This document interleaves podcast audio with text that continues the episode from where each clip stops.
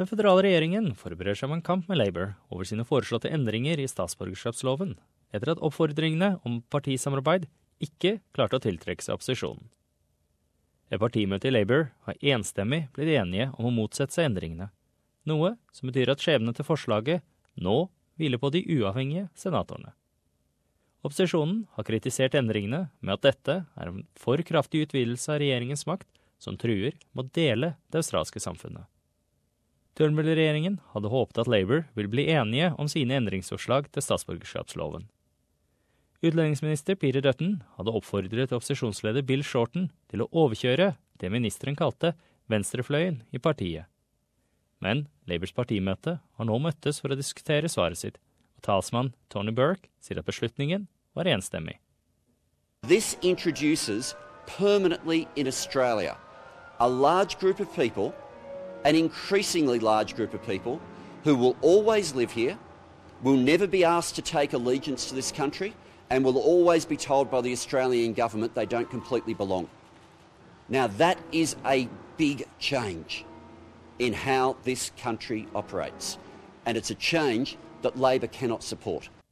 Regjeringens forslag vil øke ventetiden for fast oppholdstillatelse fra ett til fire år. Labour sier at det er for lenge. Deretter er det statsborgerskapstesten selv, noe som vil endres til å inkludere spørsmål om hva regjeringen kaller australske verdier. De vil også introdusere en ny frittstående engelskeksamen, satt på et vanskeligere nivå, og det er der Labour-motstanden er sterkest. Tony Burke sier at det er ikke behov for at nye borgere må oppnå et engelsknivå som kreves av enkelte universiteter. A very large number of Australians will never reach the level of English that's being demanded by this test. A very large number of people who are born here will never reach the level of English in this test.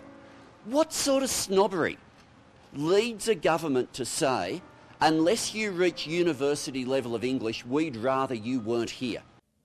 I spørretimen slår statsminister Malcolm Turnbull tilbake. I'm very disappointed, Mr. Speaker, that the Labor Party wants to continue to treat Australian citizenship as the outcome of an administrative process of form filling. They object, to the, I, they object to the proposition that Australian citizens should speak English. Labour sier at de vurderer å støtte et nytt forslag som inneholder en rekke sentrale endringer. Men Peter Dutton sier at han mener Labour vil endre mening. Og han sier at han ikke er interessert i et kompromiss. We are not going to compromise to the left of the Labor Party. The left of the Labor Party is out of step with the broad Australian public. The Australian public wants to see an increase in the English language requirement.